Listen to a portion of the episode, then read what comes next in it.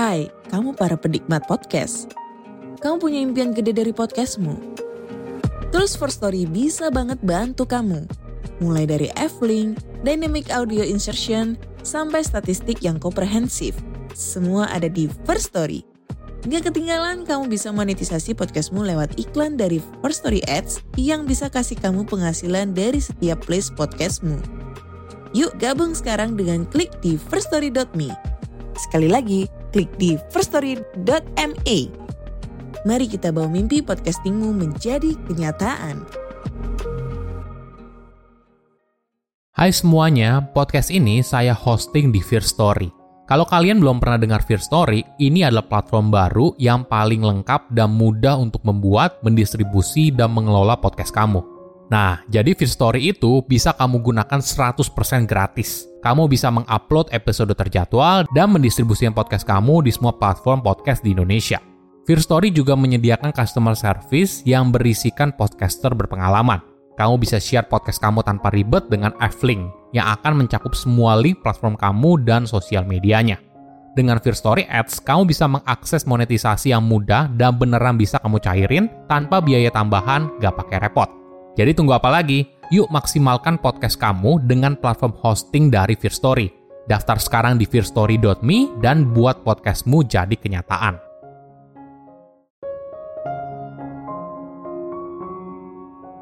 Menjalani hidup yang disiplin bukan artinya menjalani hidup yang menderita, melainkan hidup dengan disiplin diri adalah kesempatan untuk mengembangkan potensi diri yang sepenuhnya. Halo semuanya, nama saya Michael. Selamat datang di channel saya, Si Kutu Buku. Kali ini saya akan bahas buku Discipline is Destiny karya Ryan Holiday. Buku ini membahas kekuatan dari disiplin diri untuk mencapai masa depan yang kita inginkan untuk menguasai sesuatu, di awal seorang harus bisa menguasai dirinya dulu, perasaannya, pikirannya, dan perbuatannya. Presiden Amerika Serikat ke-24 Eisenhower pernah berkata, kebebasan adalah kesempatan bagi seseorang untuk mempraktekkan disiplin diri. Tanpa batasan dan kendali diri, kita tidak hanya bisa gagal untuk mencapai potensi diri sepenuhnya dan menghancurkan apa yang sudah kita capai saat ini tapi juga bisa membawa kita pada penderitaan dan rasa malu. Di era sekarang, ide disiplin dan kendali diri menjadi semakin relevan karena boleh dibilang kita hidup dalam dunia yang berkelimpahan. Jauh lebih berkecukupan dibandingkan nenek moyang kita di zaman purba atau bahkan puluhan tahun yang lalu. Sebelum kita mulai, saya mau mengucapkan terima kasih buat partner aluminium, Vanaul, dan Merika yang sudah memberikan 10 es krim strawberry. Terima kasih juga buat dukungan kalian yang sudah memberikan puluhan es krim strawberry. Buat kalian yang mau dukung si kutu buku, bisa kirim es krim strawberry mulai dari 9.900 saja. Info lengkap ada di kolom komentar ya. Saya merangkumnya menjadi tiga hal penting dari buku ini. Pertama, kenapa perlu belajar disiplin diri?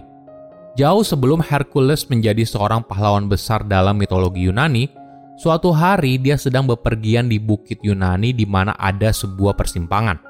Di jalan yang satu ada seorang dewi yang sangat cantik dan menjanjikan hidup penuh kemewahan. Hercules akan menerima apa pun yang dia inginkan dan tidak akan mengalami ketakutan, rasa sakit, atau ketidakbahagiaan. Sedangkan di jalan yang lain, dewi kedua mengajukan penawaran yang kurang menarik. Dia juga menjanjikan Hercules hadiah, tapi hanya sesuatu yang harus dia dapatkan sendiri. Perjalanan ini akan panjang, penuh kerja keras, tekad yang bulat, dan penuh pengorbanan. Tapi jalan ini akan membentuk dirinya menjadi seseorang yang seharusnya. Legenda ini menggambarkan dilema yang kita hadapi sehari-hari. Rute antara pilihan yang baik dan pilihan yang buruk. Pilihan yang mudah sering kali hanya nikmat sesaat tapi membawa petaka di kemudian hari. Versus pilihan yang sulit tapi memberikan masa depan yang jauh lebih indah. Setiap harinya kita akan memilih kenikmatan jangka pendek atau kenikmatan jangka panjang. Memilih untuk tidur lagi atau pergi olahraga. Makan gorengan atau makan buah. Pilihan ini yang akan membentuk masa depan seperti apa yang kita buat. Bagaimana dengan Hercules? Seperti dalam legenda, Hercules memilih jalan yang sulit tapi memuaskan di akhir. Nah, sekarang pilihan ada di tangan kamu di era sekarang, kamu mungkin saja bisa melakukan apa pun dan mengakses apa pun dalam waktu singkat. Lapar, bisa pesan ojek online. Mau tahu sesuatu, tinggal buka internet. Tapi dengan begitu banyak kebebasan, banyak orang masih merasa tidak bahagia. Apa yang salah? Mantan Presiden Amerika Serikat Eisenhower pernah berkata, kalau kebebasan merupakan kesempatan untuk disiplin diri, dan ini adalah kunci. Apabila kita tidak punya disiplin diri, maka semua hal yang seharusnya bisa membuat kita bebas seperti teknologi, privilege, atau kesuksesan malah membuat kita tidak punya arah dan tujuan. Dengan kata lain, akses tanpa kendali diri akan membawa kita pada ketidakseimbangan dan kekacauan. Mungkin bagi sebagian orang, hidup dengan disiplin diri itu seperti hidup yang menderita. Karena kamu harus bekerja keras, membangun kebiasaan baik, menahan godaan, dan sebagainya. Padahal, sebaliknya, disiplin diri justru bisa membuka peluang. Contohnya adalah seorang Eisenhower yang awalnya berkarir di militer lalu menjadi panglima tertinggi pasukan sekutu dalam Perang Dunia Kedua. Kemudian menjabat sebagai Presiden Amerika Serikat. Kesuksesannya berasal dari kemampuan Eisenhower dalam mengendalikan diri, kemampuan untuk mempengaruhi orang lain, kompromi, dan berlatih kesabaran. Kedua, menyatukan tubuh dan pikiran. Jika kamu ingin berlatih disiplin diri, mungkin bisa dimulai dengan tubuhmu dulu. Hal ini seperti kata pepatah, mens sana in corpore sano. Sebuah kalimat dalam bahasa Latin yang artinya, di dalam tubuh yang sehat terdapat jiwa yang kuat. Ini bukan hanya sekedar kalimat yang indah, tapi memang didukung oleh sains yang menunjukkan kalau fungsi otak tergantung pada kondisi tubuh. Jika tubuh kamu letih, maka otakmu tidak bisa bekerja secara maksimal. Tapi tentunya hal ini saja tidak cukup. Banyak orang yang rutin berolahraga, makan sehat, tapi tetap saja hidupnya berantakan. Maka kita harus menjalankan tahap kedua. Perhatikan apa yang kamu rasakan, pikirkan, dan respon dalam kehidupan sehari-hari. Misalnya pada tahun 1966, kendaraan yang ditumpangi Ratu Elizabeth ketiban sebuah balok semen yang berat. Apa tanggapannya? Ratu hanya merespon kalau mobilnya sangat kuat. Sama halnya pada tahun 1981 ketika seorang pria bersenjata berlari dan melepaskan enam tembakan ke arah Ratu Elizabeth.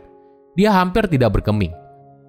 Ada sedikit jeda antara stimulus dan respon. Jeda tersebut bisa kamu manfaatkan untuk berpikir, mengendalikan diri, dan menunggu informasi selanjutnya. Atau kamu bisa memilih masuk ke dalam pola yang merusak, seperti marah, langsung menarik kesimpulan, dan menyalahkan orang lain. Ingat, situasi yang buruk tidak akan menjadi lebih baik ketika kamu memberikan respon yang buruk. Yang terjadi malah situasi itu memburuk. Jadi, cobalah latih dirimu untuk bersabar pada momen kecil itu sebelum memberikan respon. Tanyakan ulang kepada dirimu sendiri, apakah yang kamu rasakan sekarang benar atau tidak. Tidak peduli seberapa kesal atau kecewa kamu dibuatnya.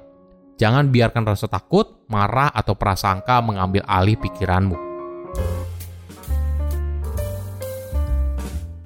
Ketiga, tips untuk belajar disiplin. Aspek lain yang penting adalah belajar untuk fokus. Mungkin kamu perlu berlatih untuk masuk ke dalam momen flow, momen di mana kamu begitu fokus mengerjakan sesuatu hingga lupa waktu. Di era sekarang, mungkin kita semakin sulit untuk mengakses momen flow. Maklum saja, kita hidup dengan begitu banyak distraksi. Tapi fokus mendalam ini penting untuk membantu kamu mengerjakan sesuatu hingga tuntas. Tips lain yang penting adalah jangan berusaha untuk jadi sempurna. Manusia adalah makhluk emosional dan mungkin saja tidak setiap hari kita berada dalam kondisi prima 100%. Ada kalanya hanya 25%, 75%, ada juga mungkin 100%. Ketika kamu berlatih disiplin, entah itu olahraga, belajar, makan sehat, dan sebagainya, mungkin saja ada hari di mana kamu tidak mencapai nilai 100. Tidak masalah, yang penting jangan menyerah. Kita membuat standar sebagai target untuk dicapai, bukan sebagai alasan untuk berhenti. Ada sebuah kisah menarik dari filsuf stoik bernama Cleantes.